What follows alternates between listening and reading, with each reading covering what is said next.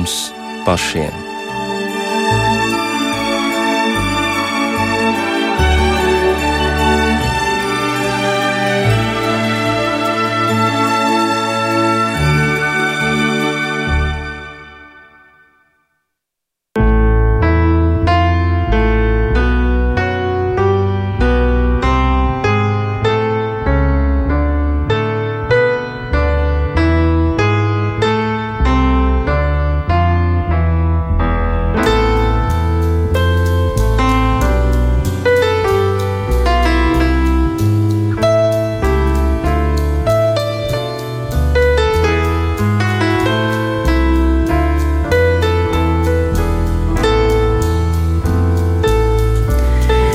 Sveicināti rādījumā pāri mums pašiem, lai ir slavēts Jēzus Kristus.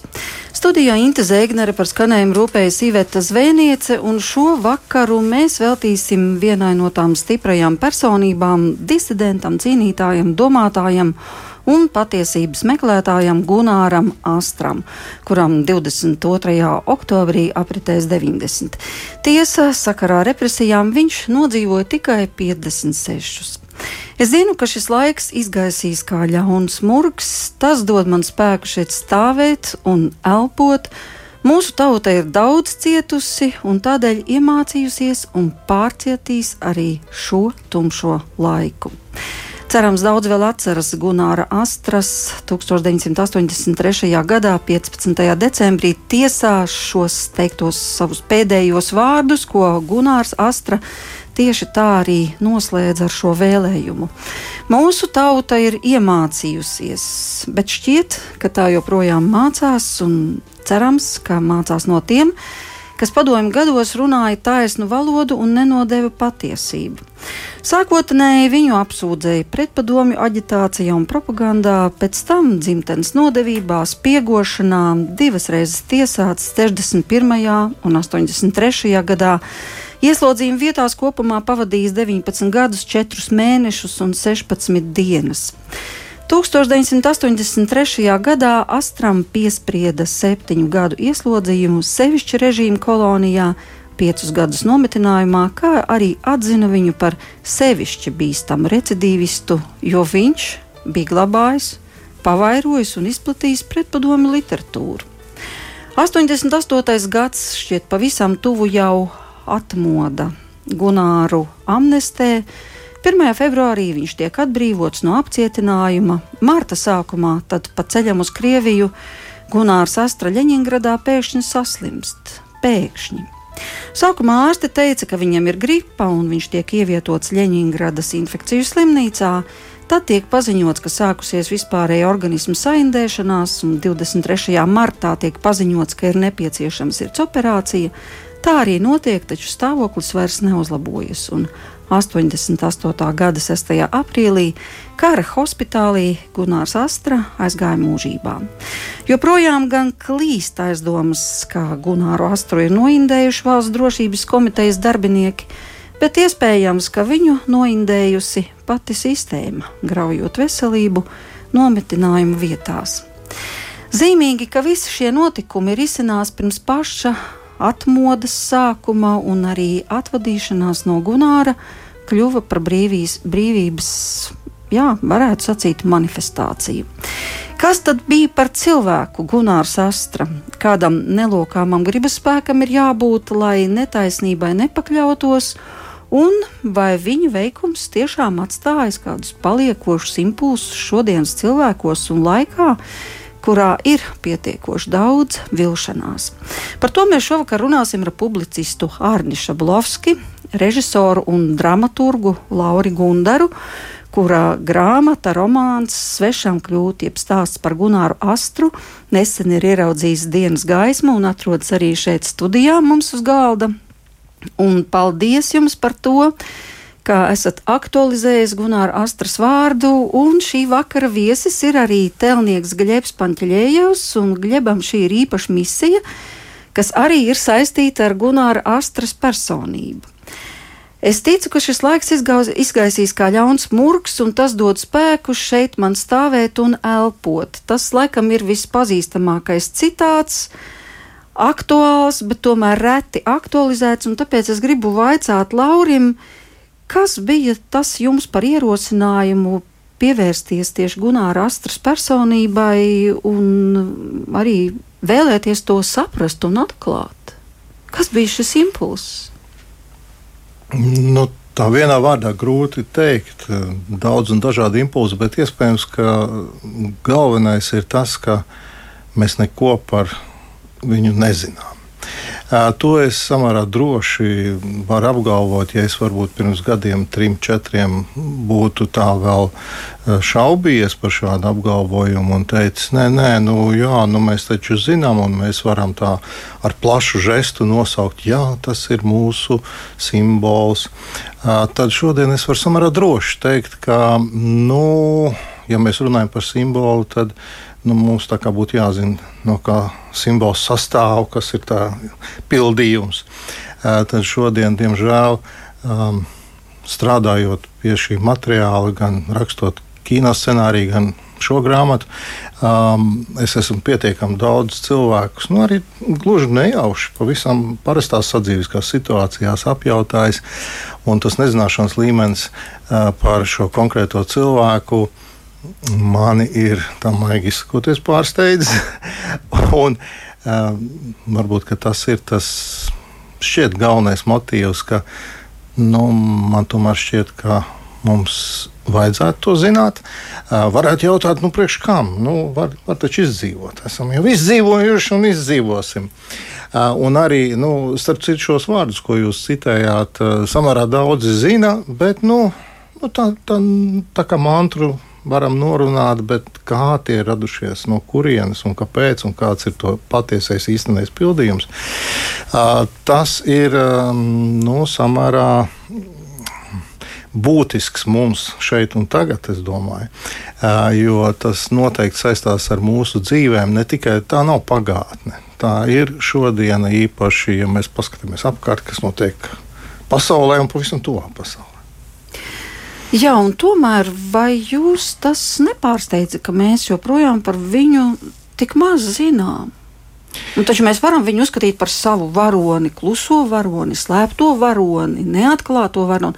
Kāpēc? Kāpēc tā interese ir bijusi tik maza? Protams, mm. varētu uzreiz arī otru jautājumu uzdot, ko tad jūs atklājāt, pētot arhīvu dokumentus un pētot viņa personību. Nē, nu, kāpēc tā interese tik maza? Nu, mēs esam tiešām šie pēcpadomi laiks ir bijis pietiekami tāds daž, dažādu virpuļu pilns, un bijis laikam ir tāds vairāk vēlme vai arī vienkārši nepieciešamība padomāt tikai par sevi šajā brīdī un nekā lielākā kontekstā neskatīties. Un man šķiet, ka beidzam, beidzamais, varbūt beidzamā nu, piecgade, ir jau tāds laiks, tomēr sāk mainīties, kur mēs sākam drusku, drusku arī ielūkoties tajā spogulī. Spogulis tiek notīrīts, izvilkts ārā, un mēs sākam skatīties, par ko es esmu patiesi priecīgs. Bet um, tad ir jautājums, nu, vai mēs tajā spogulī vēl kaut ko ieraugām. Vai mums ir pietiekami daudz šo informācijas, ko redzēt. Nu, par Gunāru man šķiet šīs informācijas, jā, informācija ir patiesībā, bet vai tā ir kaut kā mums pieejama tādā veidā, ka mēs varam objektīvi paskatīties uz to viņa laiku, uz viņa paša dzīvi. Man šķiet, ka nē. Nav, tas, nav tādas patiesas skaidrības. Man pašam šķita ļoti būtiski šo skaidrību pamanīt, ieraudzīt. Un vienīgais veids, kā es varēju to izdarīt, tas ir kaut kā aprakstot vispār šo fonu, šo dzīvi, kurā mēs mani ieskaitot, esam dzīvojuši. Un šī, šis fons tikai var arī parādīt tās likmes, kas bija šim cilvēkam. Jo, ja jūs sakat, ka visi atcerās šīs rindas, nē, neatcerās šīs rindas, ja, par to, nu, diemžēl, diemžēl, rūkti to teikt, bet tā nu tas ir. Bet, nu, no otras puses, nu, ko tur raudāt, ķeramies klāt ķeramies klāt, un arī mēs varam redzēt tos avotus, un tie avoti, no kurienes šīs rindas radās, ir patiesi tādi, ko ir vērts redzēt. Vērts zināt. Jā. Un tomēr īsumā, kā jūs varētu raksturot šo savu varoni? Savas nu. grāmatas varoni. Nē, tas tāds nav grāmatas īsts, labi, no, nu, reāla persona, protams, bet tāds īsts raksturojums, ko jūs varat teikt par viņu, ko jūs esat atklājis par viņu? Nē, es, šī grāmata vairāk ir jautājuma grāmata. Šī nav tāda secinājumu un recepšu grāmata. Tā, tas ir skaidrs, bet Jā. nevar būt, ka jums nav sava priekšstata par viņu. Nu, es jebkurā gadījumā. Mm, esmu mēģinājis vairīties no sava priekšstata, bet gan sniegt lasītājiem pašam iespēju ieraudzīt uz šī apkārtējās dzīves, šo cilvēku un paskatīties un novērtēt pašam. Tas ir varonīgi, tas nav varonīgi, ko mēs vispār saucam par varonību, vai tā ir pretošanās, nav pretošanās, kā mēs to saucam, vai, vai, vai kas, ir, kas ir nodevība, kas ir gļēvums, kas ir dažne, dažādas pretēji rakstura īpašības. Šī grāmata ir vairāk tādā veidā uzbūvēta, ka mums ir iespējas sekot šiem stāstiem un sev jautāt. Uh, savu, uh, savu slēdzienu es nevaru dot. Es šo cilvēku neesmu pazinis, es nevaru to pateikt. Uh, bet, nu, iespējams, ka tāds Gunārs nevelti grāmata ir nevis stāsts par Gunāru Astru, bet stāsts par Gunāru A. un, šis ir samērā man šķiet būtiski, jo um, te ir iespēja te ir iespēja mums katram šo gunārā sevi pameklēt, atrast un kaut kādus atskaites punktus gūt. Pie tā laika, ko jūs aprakstāt, mēs vēl atgriezīsimies, un man tur ir arī vairāki tādi jautājumi, jo galu galā tie ir 60. gadi. Jūs tur pēc tam minat 76. Jā, jā, bet nu, kaut kur jau tā ir mūsu paudze. Un tur tādi interesanti jautājumi rodas, bet gribu vaicāt Arnim, Kas bija tava pirmā saskare? Un kāpēc jo īpaši tagad ir svarīgi aktualizēt Gunāra Astras personību un arī viņa devumu? Un kādā veidā tas tiks darīts? Nu, pirmkārt, šī 90 gadu, bet mazliet vienkārši atgriežoties arī pie romāna, kuru man bija tas gods arī izlasīt. Es domāju, ka tas dialogs ar, ar, ar Gunāru Astru un viņa devumu ir beidzot sasniedzis šo jauno lī, līmeni, ka viņu mēģina, viņam mēģina pieskarties ar mākslas darbu palīdzību. Jo, ja pirms tam ir grāmatas, trīs, varbūt pat laikam, četras, ne, kas mēģināja nu, tādā skaidrā, arī deklaratīvā veidā apliecināt, kas viņš ir. Bet uh, tas nedēļ šo iespēju pieskarties viņa personības kaut kādam dziļākam līmenim. Bet ar romānu, kurā, kurā, kur uzdevums nav atbildēt pilnīgi visu, vai ar greba mākslas darbu un tam līdzīgi, ja, tas ir tas, kur mēs kaut kādā mērā ļaujam Gunāram Astram, es teiktu, savā ziņā augšām celties īstajā laikā un, un kļūt par vēstījumu, bet tādā netiešā uh, un smalkā veidā. Um, nu, vienkārši deklaratīvā veidā, protams, kad liela daļa, kas ir saistīta ar Latvijas politiku, kultūru, eh, vidi, zina, ka tāds Gunārs Astra ir bijis. Taču uh, viņš ir kaut kādā mērā šai mūsu vidē ļoti ilgi iztrūcis ar šo savu uh, varoņu darbu. Tā Gļeps ir formulējis vienu no saviem teiksim, moto savam mākslas darbam. Vienkārši viņa varoņu darbs ir kaut kādā mērā bijis un joprojām ir nērts. Mums tas liekas neticami, ka ir bijis cilvēks ar skaidru. Romāns gan arī man parāda, ka Gunārs Astrid ir revolucionējis. Viņš tāds uzreiz nav tapis. Par to es arī pateicīgs romānam. Bet gala beigās bija šāds vīrs, kas tieši 83. gada atmosfērā, kurā es, liela daļa no mums, dzīvoja reāli, nu, baiļu atmosfērā, vai nezinu, kas vēl būs. Nebija 85. gads vēl. Bet viens cilvēks saņēma šo, šo drosmi, šo spēku, nezinu, no, no, no dieva, no, no vēl kaut kā, un pateica šo, šo pēdējo vārdu. Es, es domāju, šis pēdējais vārds ir Latvijas kanons. Es nezinu, ne literatūras, vai kā es, es teiktu, Latvijas uh, valsts jēgas stūrakmens. Šis cilvēks un arī šis viņa pēdējais vārds. Tāpēc, ka uh, Gunāra Astras personība līdz ar to arī, arī tāpēc, ka jubileja ir viena liela iespēja, manuprāt, vērtības ziņā restartēties, restartēt valsts jēgu. Ļoti daudz ko restartēt vērtību, vērtību jomā. Tāpēc tā ir unikāla iespēja. Un paldies Dievam, ka šādi mākslas darbi top. Tas, tas jau ir ceļš uz to. Tā tad viens darbs ir šī grāmata, kas mums jau ir šeit uz galda, bet Gļebam ir vēl kāda iecerē padomā, kā tā tiks realizēta.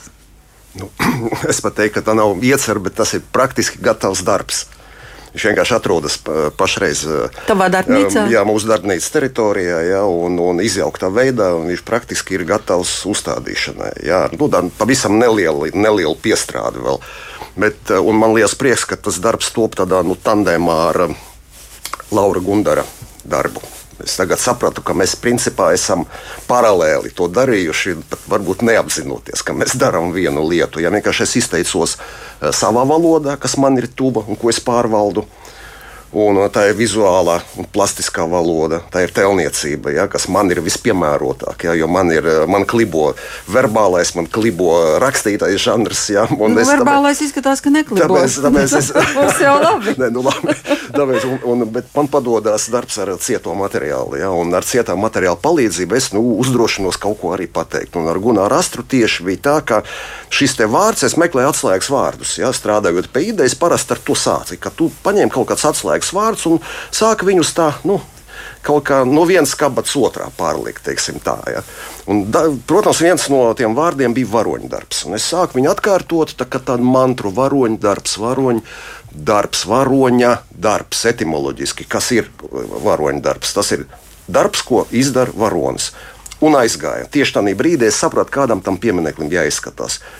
Hrestomatiskā bilde, strīpaina tērpa arestanta atsevišķi plāni, rokas un portrets. Portrets garīga dimensija, rokas ir tas rokas, kas dara darbu, varoņa darbu, jo viņš to ir darījis. Viņš ir strādājis pie sava veikuma. Jā, un būtībā šis piemineklis ir krusta formā. Nu, var teikt, jo krustformā ir daudz kas pasaulē. Jo, ja mēs paskatāmies teiksim, uz eh, Rīgas ielu krustojumu, tas arī krustformā. Jā, ja mēs saliekam vienkārši rokas uz krūtīm, tur arī tāds Andreja krusts tur, veidojas. Jā. Jā. Es domāju, tur nevajag, pārs, nevajag pārspīlēt tieši to eh, krusta kā simbolu nozīmi, drīzāk arhitektoniskā vērtība tam visai ir. Nu, pat eh, nevis vērtība, bet arhitektoniskā funkcija. Jo visizdevīgāk novietot šos divus sadalītus fotografijas plānus. Rokas priekšplānā un portreti otrā plānā uz vertikālās stēles. Jo portrets ir uz vertikālās stēles, rokas uz horizontālās. Tas arī, eh, tas arī ir zīmīgi. Ja, tā arī zīme, divas dimensijas, garīgā un mūsu pasaule, šī pasaule. Un, un, tāpēc tas krusts ir nu, ideāls ideāla forma priekš šīs kompozīcijas un priekš šī vēstījuma. Jā, nu, jebkurā gadījumā krusts vienmēr tas tomēr ir saistīts ar upuri. Un tā kā viņš savu upuri arī Latvijai ir pienesis ar savu domāšanu, ar savu veikumu, ar visu, ko viņš nav baidījies pateikt, un ar visu, ko viņš ir darījis. Bet kur tas būs skatāms un kad? Tas būs skatāms uh, Baumaņa skvērā Baumaņa laukumā.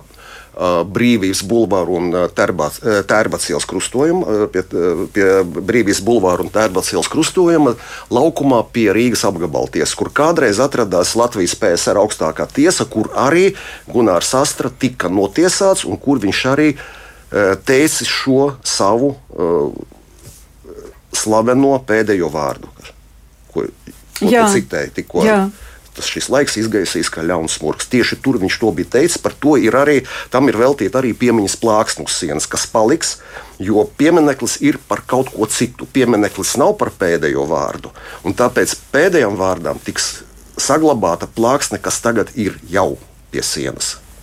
Vai atklāšana notiks Gunāra Astras dzimšanas dienā? Uh, nē, tā, tāda iecerība bija. Uh, un, uh, Glebs ir padarījis savu darbu, ko mēs zinām, bet vairāk iemeslu dēļ Rīgas doma kaut kāda iemesla dēļ nav atradusi līdzfinansējumu tā parka iekārtošanai.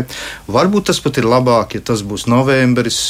Mēs redzēsim, bet katrā ziņā Glebs pēc labākās sirdsapziņas ir savu darbu praktiski pabeidzis. Tā kā zīmes rādīs, zīmes rādīs, jā. Bet, nu jā. Jā, bet šobrīd mēs varam arī uzklausīt vienu tuvu cilvēku, un tas ir eh, Gunāra Astras brālis Leons. Jo arī viņam reiz eh, raidījumā es lūdzu, kā viņš varētu raksturot savu brāli, ņemot vērā, ka pat bija gadījums, kad viņš tūkstošiem kilometru ar motociklu brauca, lai nometinājumu vietā savu brāli satiktu. Viņu visu mūžu ir vadījusi tieksme saprast lietas, saprast viņas līdz galam, neļaujoties ietekmēties no ārējiem apstākļiem, kas varētu deformēt šo sajūtu. Un tas viņa arī, es domāju, ka ļoti loģiski un sakarīgi novedis pie tā, ka viņš kļuva nērts padomju varai. Nezinot to, ka čekis tev izsakoja, man brāl, vecāki, nu, īpaši māte, centās viņu noturēt no kādām lielām aktivitātēm, savu uzskatu paušanā, viņš ļoti uzticējās cilvēkiem. Viņš, jāteic, bija diezgan lēticīgs un savus uzskatus, savu pārliecību, bez lielas domāšanas pauda katram, kas to gribēja dzirdēt. Nu, dabiski tas nevarēja palikt bez kaut kādām sakām. Rezultāts bija tāds, ka viņš tika izsakots, pēc tam apcietināts un izsūtīts. Es biju sadamās brāli apciemot. Es ekipējos, ekipējos ar nepieciešamo tam ceļam un devos ceļā. Ceļš bija garš, tātad ar Maskavu vēl pusotras tūkstošas kilometrus Maskavas. Tik tiešām tā arī notika, ka nobraucot galā, noskaidrojās, ka attiecīgajā izsūtījuma vietā ir pasludināta karantīna. Un šajā sakarā ieslodzītos apmeklēt uh, nav iespējams. Nu, es trīs dienas uzturējos nometnes tiešā tūmā. Man bija tā iespēja sasaukties ar brāli, tur kādā 15 metru distancē, apmēram pāri dzelzceļa sētai, kamēr sargs. Tas laipni uzaicināja man pamest to vietu steidzīgi. Vien. Nu, tā, un, protams, tikšanos es nedabūju. Es mēroju vienu ceļu gabalu līdz attiecīgās nometnes zonas priekšniekam. Man lūgu viņš uzklausīja diezgan tā, ka man jau bija skaidrs, ka rezultāti tur nekādi pozitīvi rezultāti man nebūs. Un, ja runa par astu, tad vispār nekādas sarunas nevar būt. Nekādas tas mans arguments, ka es esmu atbraucis to milzu gabalu, lai brālis satiktu uz kādu brīdi, zina, nekāda iespēja neatstāja. Tikšanās nenotika. Jā. Gunārs Astras brālis Leons raksturoja, kāds tāds bija Gunārs. Ir arī zināms, ka tad, kad viņš atgriezās no pirmā izsūtījuma, tad viņš pats rakstīja, ka viņa nav tādu spēku, kas manī spētu restaurēt 61. gada vēstures un vērtību izpratni. Es esmu pārāk daudz ko redzējis un sapratis, un toreiz arī viņa brālis sacīja, ka no izsūtījuma atgriezās pilnīgi cits astrārs pilnīgi citu rūdījumu un ar vēl spēcīgāku rakstura iezīmi cīnīties par Latviju un par savu patiesību. Bet man ir jautājums vēl Laurim. Jūs pētījāt arhīvu dokumentus, jūs pētījāt sēžu protokolus. Un, e, tas, protams, ir romāns, kas mums ir šeit uz galda, bet tur ir arī citētas apsūdzības, jādomā, ka tās ir autentiskas. Lūk, šis viņa pāri nodarījumu uzskaitījums Majora Andrējeva sastādītais un drošības komitejas izmeklēšanas daļas priekšnieka kapteiņa atzīmēšu Vītola parakstītais apsūdzības raksts, un tur ir tādas frāzes, kas starp darba biedriem, Baltkāju, Vicinski, Akmentiņu, viņš veica pretpadomju aģitāciju. Bet tad jau sanāk, ka kāds viņu nosūdzēja. Jo jau brālis teica, viņš uzticējās cilvēkiem, viņš runāja, ko domāja. Nu, nešaubīgi, jā. Nu, man šķiet, ka tas jau, kā lai saka, var jau šodien domāt, ka nu, tev taču jābūt tik gudram, lai saprastu, ka kāds ņems un nosūdzēs, ka tu nevari uzticēties. Un no otras puses, nu, Um, nu, nav jau arī neviens tik traks, lai uzreiz tā runātu. Uh, es arī domāju, ka pats Gunārs arī, un arī pēc viss spriežot, viņš bija pietiekami piesardzīgs. Uh, tas uh, citāts bija no 61. gada, manuprāt, tiesas process, kur viņš bija tāds kā Leons izsakās lētīgāks, kā tāds brīvāks. Un tā pašā laikā mums jāsaprot, ka te jau uzrādās arī tāda nu, cilvēciska mums jebkuram saprotama lieta, ka nu, mēs taču gribam uzticēties līdz cilvēkiem, mēs taču gribam dzīvot normālā uh, sabiedrībā, kurā mēs varam runāt to, ko mēs domājam. Uh, un, uh, mums nemaz neienāk, varbūt pirmā mirklī prātā, ka kāds uh, šo var traktēt kā pretpadomju propagandu. Es arī domāju, ka tā nebija pretpadomju propaganda. Tā bija vienkārši nu, tā, nu, parunājām. Nu, parunājām forši, pateicām, zini, nu, stūp, paskaties, cik stulbs Leņķina bildes žurnālā, kā tur bija. nu, tur jau ļoti daudz kas bija, Jā, ne tikai nu, tas viss. Nu, un, e, no tā jau var iztaisīt, no tā var uzpūst ļoti daudz. Es arī domāju, ka šis otrais ieslodzījums jau patiesībā tā viņa vaina ir, ir, ir, ir nu, stipri, stipri uzpūsta, lielāka nekā nu, vispār varēja kaut ko atrast. Tad tie pāris mazie putrēmiņi, pāris grāmatas, kas ir atrastas viņa grāmatplauktā, kuras turklāt nav oficiāli aizliegtas, nu, vienkārši ir neoficiāls noklusējuma tāda vērtība, ka nu, tās nu gan nevajadzētu turēt grāmatplauktā. No tām tiek iztaisīta lieta, ka cilvēks kļūst kļūst par uh, nu, ļoti nopietnu noziedznieku. ja.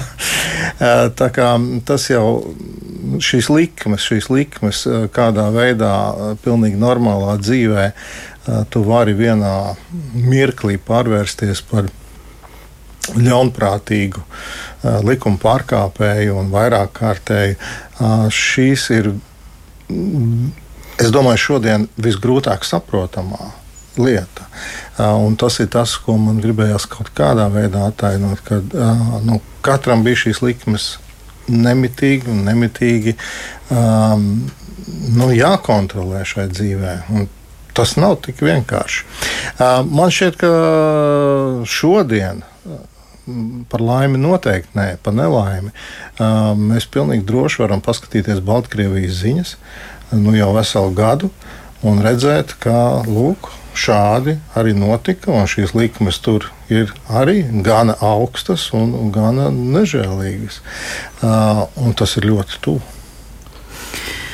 Jā, un tomēr kādas ir jūsu versijas? Droši vien arī to ir nācies pētīt. Kā jums šķiet, kas cilvēku no priekšzīmīga VF speciālista, kārtīga strādnieka, nodaļas vadītāja, kuram ir piedāvāts stāties partijā un kuram ir visas karjeras iespējas, pēkšņi padarīja par sistēmas atmaskotāju. Es, es domāju, tieši tāpatās kā, kā Gunārs teica par savu, savu uh, uh, romānu, ka tur nebūs pilnīgas atbildes. Un, un, uh, šis ir labs jautājums, bet man šķiet, ir, ir jauki par to meditēt un, un meklēt atbildes. Mēs nevaram tieši atbildēt. Varbūt šis ir tā uh, Gunāra Astas gada uzdevums meditēt par to, un cik tālu mēs esam no tā, lai, lai ļautos drosmei. Jo, piemēram, uh, teiksim, izrādē, kas ir varbūt viena no retajām Alfa Hermaņa izrādēm, kura varbūt nav īsti izdevusies ļoti īsi 5,5 stundas vēstures izpētes komisija. Programmiņā režisors Alans Hermans raksta. Un, ja, ja nu gadījumā visi mēs būtu tādi kā Gunārs Astra, tad mūs visus droši vien izsūtītu kā tatāri. Tad viņš to attaisno, nu, saka, ne, nevajag. Bet, bet es kādam ļoti tuvam cilvēkam, uh, Alvim Herma, Hermanim, uh, Hermaņa, ļoti tuvam cilvēkam, prasīja, bet ja, ne, ja nu neviens nebūtu tāds kā Gunārs Astra, Ko tad mēs darītu? Vai tad mums būtu jāstudē izrāde Tīzleņa tauta? Tā ir, tā ir tā lieta. Tā ir tā lieta vienkārši. Ja neviens nebūtu, tad nu, kā, kāda tad mēs būtu vienkārši? Un tur ir tas viņa, tā viņa unikalitāte vienkārši. Drosme tajā laikā, kas liekas neloģiska, neiespējama. Un mums ir sevi jāsamēro ar viņu. Nu, ja nebūtu Gunārs Astras, mēs iespējams uzskatītu sevi par ideālu sabiedrību. Jo, ja nav tādu precedentu, tad nav tā gradienta, pret ko sevi vērtēt, ja? vispār ar ko salīdzināt. Un, ja nav ar ko, nu, tad mēs esam ideāli. Mēs klusējam, mēs paši sev melojam, un tas ir normāli. Tā tā ir vienkārši. Bet parādās tāds astra, nemierīgs prāts un nemierīgs gars, kurš visiem mums parāda, jūs esat tādi un tādi. Jums ir uz ko tiekties, un jums noteikti ir kur augt. Joprojām. Joprojām, jā. Un par motivācijām es pilnīgi piekrītu, ka nevar. Es nekad neuzņemtos atbildību, mēģināt uzminēt, kāda bija Gunāram Astram motivācija. Viņam viņa noteikti bija, tas ir skaidrs, un tas ir vissvarīgākais. Ja? Bet kāda varbūt pati tā pati nespēja sev melot.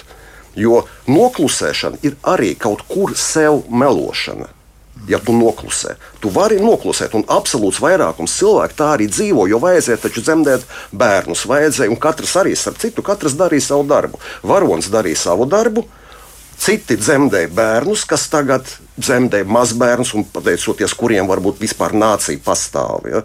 nu, tā teikt, eh, darba, darba sadalījums ja, sabiedrībā. Piemēram, Sergejs Kovaļovs, pazīstamais cilvēktiesību cīnītājs, viņš deva atbildi par sevi. Vienkārši, lai vienreiz nebūtu kauns pašam savā priekšā. Tad, kad es skatos spogulī, lai man nav kauns. Jā, bet bija tāds gadījums, un tas jau bija brīvos laikos, šķiet, pirms vēlēšanām kad kādam partijas kandidātam, šobrīd jau turīgam ekspolitiķim, uzdeva jautājumu, kāpēc viņš 80. gados iestājās partijā. Un tā tad uh, atbalstīja šo ideoloģiju, un viņš atbildēja, nu, ko jūs? Es taču pavisam tā nedomāju par viņu ideoloģiju. Man vienkārši toreiz tas bija izdevīgi. Un patiesībā šis vārds bija ļoti tāds šokējošs, kas var saindēt uh, pilnīgi visu. Mm. Tas nozīmē, ka tas ir kaut kāds tāds atslēgas vārds, kas var jebkuru krietnumu aizslēgt ciet. Nu kā? Un jūsu grāmatā arī tas ir rakstīts nu, par stāšanos tur oktobrēnos komjauniešos, ka nu, tad vispār mēs domājam, kādus solījumus mēs tur dodam, mēs pat neiedziļinājāmies tajā. Nu, tātad tas tur pat izdevīguma nekāda nebija. Nu, bija tāda sistēma un viss. Neviens tur tālāk neaizdomājās. Šis lūk cilvēks saka, nu, ka viņš beidziet, tas nebija nopietni, man vienkārši tas bija izdevīgi. Tas nozīmē, ka es varu jebkad darīt neatkarīgi ne no kādas sistēmas vērtībām, Jā, ja bet, tas man būs izdevīgi, jā, domājot nu, par ja tā, pat tālāk, domājot, ja man būs izdevīgi būt nu, jā. par kristieti, es jā, jā. būšu kristietis. Jā, tā arī ja notiek. Nē, tā arī notiek. Tad, tad es iešu bet, citur. Bet, bet domājot par šo, kā man šķiet, ka, ka notiek šī gunāra rastas gara augšā un celšanos, celšanās, man tā šķiet, tad lielā mērā ir ļoti svarīgi nenosodīt nevienu, ko man liekas romāns arī rāda vienkārši. Jo tā nav nosodīšana, tā ir vienkārši tāda mierīga iespēja sevi salīdzināt katram tai savā mazajā istabas stūrītī, jo, jo tur ir tā viņa, tā viņa alternatīva, dod, es teiktu, gaismu līdz ar to, ja, dod iespēju nu, salīdzināt sevi. Bet tas nenozīmē, varbūt mums ir pa daudz šī nosodījuma, bet mums trūkst uh, mūsu acu priekšā, sabiedrības acu priekšā. Uh, varoņi, kas viņš ir manā uztverē. Manā uztverē viņš ir svētais, ne, ne kanoniskā tajā baznīcas nozīmē, bet nācijas svētais. Nu, pēc savas būtības, pēc tā, kā viņš ir izturējies tajos apstākļos. Un, un, un šis svētums nenosoda. Viņš ļauj saprast. Katrs izvēlējās to. Viņš ar šo neatbildāmo motīvu izvēlējās šo ceļu, lai mēs lēnām domātu, kāpēc bet, bet nedodam uzreiz ātras atbildes, ko arī romāns uh, mums veicina. Man liekas, Glebs ļoti precīzi pateica, ka, ka Gunārs ir devis kaut kādu atskaites punktu. Pilnīgi noteikti. Un, un tas ir tieši par to pašu. Es arī nevaru neko teikt, nu, partijā, ne partijā. Es arī ļoti labi atceros šo dzīvi, atceros, kādā veidā, kad, kad tiešām ne, mēs nekādā veidā neiedziļinājāmies ļoti daudz, ko nozīmē partija, ko nenozīmē partija. Un vai tur ar krietnumu vai nekrietnumu ir uh, kāda saistība, ļoti grūti pateikt. Tur tiešām tas ir individuāls gadījums. Un uh, Gunāra gadījumā es varbūt tā to nosauktu, ka šis cilvēks vienkārši viens no retajiem. Mums taču katram ir sava iekšējā sanitārija kaut kāda. Mēs ļoti labi zinām, kurā brīdī mēs šo sanitāriju sašmucējam vai kaut kādā veidā pārkāpjam. Un tad ir tas jautājums, un visiem taču mums gribās tomēr nesašmucēt to savu iekšējo sanitāriju. Un Gunārs ir vienkārši līdz galam konsekventi viņu mēģinājis uh, nesaķēpāt. Un tas ir ļoti izteikti redzams tieši pēc viņa pirmā ieslodzījuma pēc tam 15 gadiem, pēc tās augstskolas. Ja palasa vispār šīs visas atmiņas, arī Knutas kujnieka atmiņas par to laiku, un arī ļoti daudz citu, kas bija ieslodzīti šajā Mordovijas nometnē, nu, pilnīgi liekas, ka tāda tā paradīze, tāda sa savesti visi padomu savienības citādi domājošie vienu vietu. Viņiem ļauj lasīt grāmatas, viņiem milzīga biblioteka vispār. Mūzika, klasiskā mūzika, diski. Nu, dari, ko gribi. 15 gadus tev pilnīgi noliek tā, nu, ņem un pilnveidojies. Nu, jāstrādā jau arī bija. Uh, nu, jā, nu, to mēs it kā palaidām garām, mm -hmm. jā, bet tās viņu atmiņas ir tikai par šo. Un patiesībā, jā, nu, Gunārs ir ļoti, ļoti pēc tiem 15 gadiem, tas ir ļoti acīm redzams pēc dokumentiem, kā mm, cilvēks ir sapratis, ka nu, šo nevajag sašmucēt, ka vajag tomēr noturēt maksimāli tīru. Un tad nu, ir jāskatās, kā tu to vari noturēt tīru. Varbūt tā ir tā varonība arī. Nu, varbūt nav tā varonība skriet ar karogu pa priekšu, bet tieši saglabāt šo savu tīrību, jebkuros apstākļos, jebkurā solī. Iespējams, ka šo vajadzētu padomāt. Par, lasot arī šos stāstus ja, par Gunāru A kā, cik daudz man to pleķu ir. Varbūt nav, varbūt ir. Varbūt viņi ir kaut kādā veidā izmazgājami, varbūt nē, nezinu. Jā, jūs minējāt to atgriešanos pēc pirmā ieslodzījuma, un, kā zināms, domu biedri viņam bija, un domu biedri viņu atbalstīja, viens no uzticamiem domu biedriem bija arī Lidija Lasmane, kurai ir savs stāsts par Gunāru.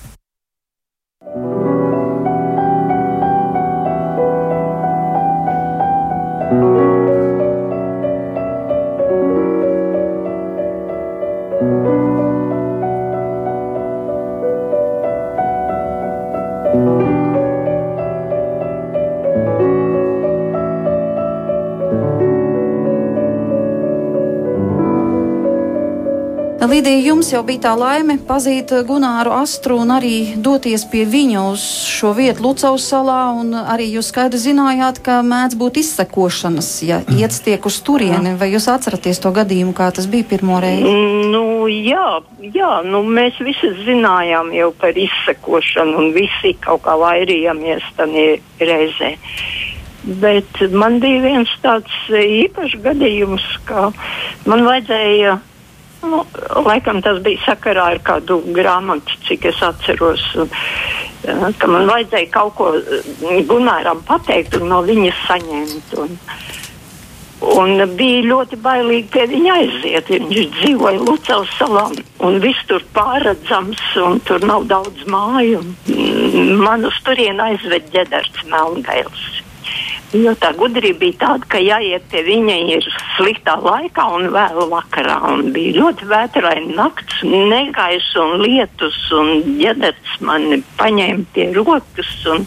Pirmo reizi es tur gāju un veda mani cauri visādiem džungļiem, kā man likās. Man vajadzēja kaut ko uh, viņam pateikt un no viņa saņemt, jo Gunaram bija tā grāmata krātu. Gunārs viņas pārfotografēja, un mēs viņus lasījām attīstītas, tādas biezos fotopapīros attīstītas. Un tāpat arī vienkārši viens otram nodevām lasīt un, un, un nes atpakaļ viņam. Bet man bija toreiz kaut kas vēl jāpasaka. Tad to jau nevarēja arī teikt skaļi. Mēs jau zinājām, ka visu taču noklausās un novēro. Un, Un mums bija tādas tāfelītes un rakstāmais, kuru varēja uzreiz nodzēst. Nu, Gunārs, nu, kā lai viņu raksturo, viņš mums tāds bija vienīgais cilvēks.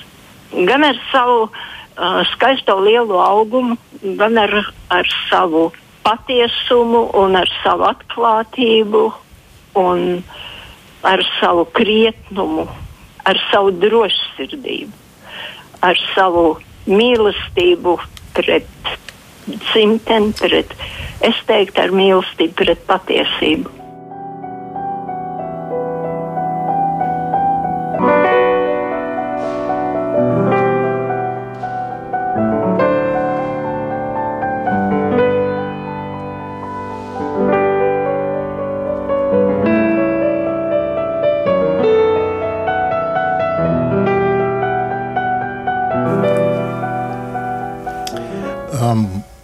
Tiešām ļoti gribētu šajā brīdī pateikt tādu, papildināt tādu lietu, ka mēs pašlaik runājam par Gunāru Astru. Bet Mm, kaut kā automātiski drusku piezemējās vispārējie cilvēki, eh, kas ir ārkārtīgi līdzīgi domājuši ar līdzīgu likteni. Īpaši visi tie, kas 83. gadā ļoti biežos tiesas procesos tika tiesāti, vai tāpat tikko dzirdētā Lidija Daroņa, Lasmana un Jānis Vēvers, Jānis Roškalns. Un viņi uh, ir, arī viņiem ir tieši tāda pati laikam šī sanitārijas lieta, eh, kā eh, Gunāram. Eh, un, tāpēc man šķiet, ka mums der skatīties uz viņiem visiem, un viņi vēl ir mūsu vidū. Mēs nedrīkstam viņus piemirst uz šī fona. Lielā mērā tāpēc arī grāmata saucās nevis par Gunāru Astru, bet par Gunāru A. Tas ir arī kā cieņas apliecinājums visiem tiem, uh, kuri ir viņam līdzīgie. Īpaši ņemot vērā to, ko es gribētu bilst, ka šajā 83. gadā tiesas sēdes augstākajā LPSR augstākajā tiesā bija atklātas. Un itin kā mēs varējām uz šīm tiesas sēdēm iet, nu kurš tad gāja? Ja, tas vēl vairāk apliecina šo cilvēku nu, jā, kaut kādu pārliecību par to, kas ir jādara. Jo viņi arī ļoti labi apzinājās, ka šajos tiesas sēdēs tas nebūs kā filmās rāda. Ka būs oh, biezos baros un visi pa logiem liks iekšā šajās tiesas sēdēs. Tas galīgi nebija tā. Un, eh, līdz ar to šīs viņu eh, izvēles, dzīves izvēles ir man šķiet līdz ar to daudz, daudz vērtīgākas. Vēl mums vismaz mūsu acīs tam jābūt vērtīgām. Jā, bet šajā tiesas sēdē piedalījās viņa tēvs, kuram bija atļauts piedalīties. Tas laikam bija ne, vis, ne katram bija atļauts. Es tikai lasīju, nē, vai nu tas bija, bija no jūsu grāmatas. Nē, jā, tas no... bija 61. gada, jā. Jā, tas bija kara tribunāls. Tur nebija atļauts piedalīties nevienam tēvu. Tas bija ļoti liels izņēmums. Bet šīs 83. gada, kad to, ko mēs jau tā reāli atceramies un kur mēs it kā varējām piedalīties, ir ļoti maz cilvēku, kas ir piedalījušies. Šajā aspektā, bet toties piedalījās kāda sieviete, kuras vārdu es neatceros, bet kur bija slepeni ienesus magnetofonu.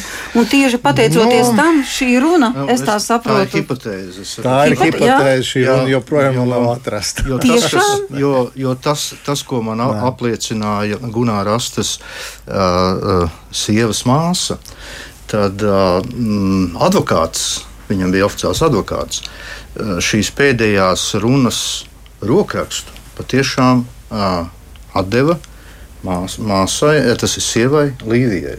Tātad arī šim advokātam nu, bija šāda nu, cilvēciskā pašcieņa, un viņš kaut kādā mērā pildīja savu sirdsapziņas pienākumu. Nu, katrā ziņā pasauli šo runu mm. ieguva. Jā, jā, jā, arī Gunārs Astras aiziešana mūžībā 88. gadā tā bija tautas manifestācija. Un tad man vēl gribas atgādināt, kā to atceras arī mācītājs Guntis Kalme. Jāatcerās pašas bērres. Viņš ir viens no tiem diviem, kurus mēs aizbērām ar rokām, kura kapus aizbērām ar rokām. Ja otrs ir Juris Ziemels. Tas vien jau kaut ko, eh, manuprāt, pasaka no tās cieņas un godības apliecinātāju. Nu, to, ka bija tūkstoši, jā, to, ka vēroja no malas, arī jā, atceros. Es domāju, ka daudz, daudz par maz mēs apzināmies nu, to milzīgo dievu dāvanu, ko viņš ar savu personu un personību reprezentēja. Ja? Jo sacīsim kaut vai tā, ka Dievs katram mums ir devis mūsu dzīvi, un dzīve nozīmē iespēju veikt kaut ko nozīmīgu un svarīgu.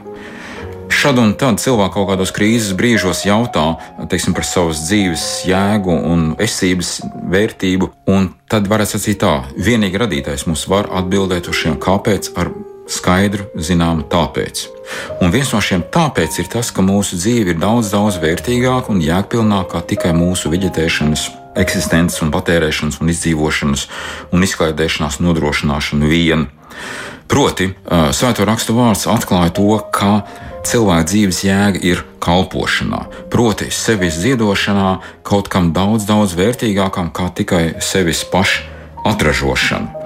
Atcerēsimies kaut vai to, ka tad, kad Gunārs iznāca no ieslodzījuma otrais, viņš sacīja, ka viņš atdotu 15 sava mūža gadus vēl par to, lai viņš 15 minūtes varētu brīvi ēterā pasakīt bez cenzūras to, kas viņam ir svarīgi. Nu, tas ir labs jautājums, vai mums katram vispār būtu šīs 15 minūtes, ar ko aizpildīt, pat ja mums nenāktos ar to maksāt ar 15 mūža gadiem. Atcerēsimies to, ka Dievs cilvēkam ir devis milzīgi lielas dāvanas, dotības, ja? Teiksim, kā ziņa pēc patiesības, izziņas iespējas, tieksme pēc brīvības, spēks uzupurēties, lai šo brīvību varētu sasniegt, algas pēc dzīves jēgas un radīt prasmi. Te varētu daudz, daudz nosaukt, Atcerēsimies to, ka teiksim, filozofs Alberts Šveicers eh, reiz tā sacīja, ka viņam ir tā lielā iespēja un tā milzīgā privilēģija zināt to, kāpēc viņš dzīvo. Viņš sacīja šeit tā. Liela privilēģija vislabākajā veidā īstenot kalpošanu cilvēkiem. Tāpēc katrs tādu kalpošanas veidu, kā ētiskam cilvēkam, ir ļoti liela privilēģija. Tas viņam ir mierinājums, visbeidzot, laime. Manuprāt, neskatoties uz to baiso situāciju, cita vārda nav, kurā atradās Astra, manuprāt, viņam bija šī laime. Baisā situācija varētu tikt aprakstīta ar 83. gada 18. decembra LPSR augstākās tiesas spriedumu, kurā ir sacīts par astru, ņemot vērā astras izdarītā nozieguma raksturu, viņa personību, atzīt viņu par sevišķi bīstamu recidīvistu. Andrejs Siņāvskis, krievu disidents, rakstīja par Astru šādi. KGB uzskata Astru par nestandarta pretinieku. Pavadījis nebrīvē, turklāt krieviskā vidē gadus, viņš joprojām vienkārši un dabiski reprezentēja eiropeisku cilvēku tipu. To raksturo godprātība un cieņas pilns miers, kurš apzinās, ka viņa tiesībām un viņa pienākumam būt godīgam ir reāls pamats.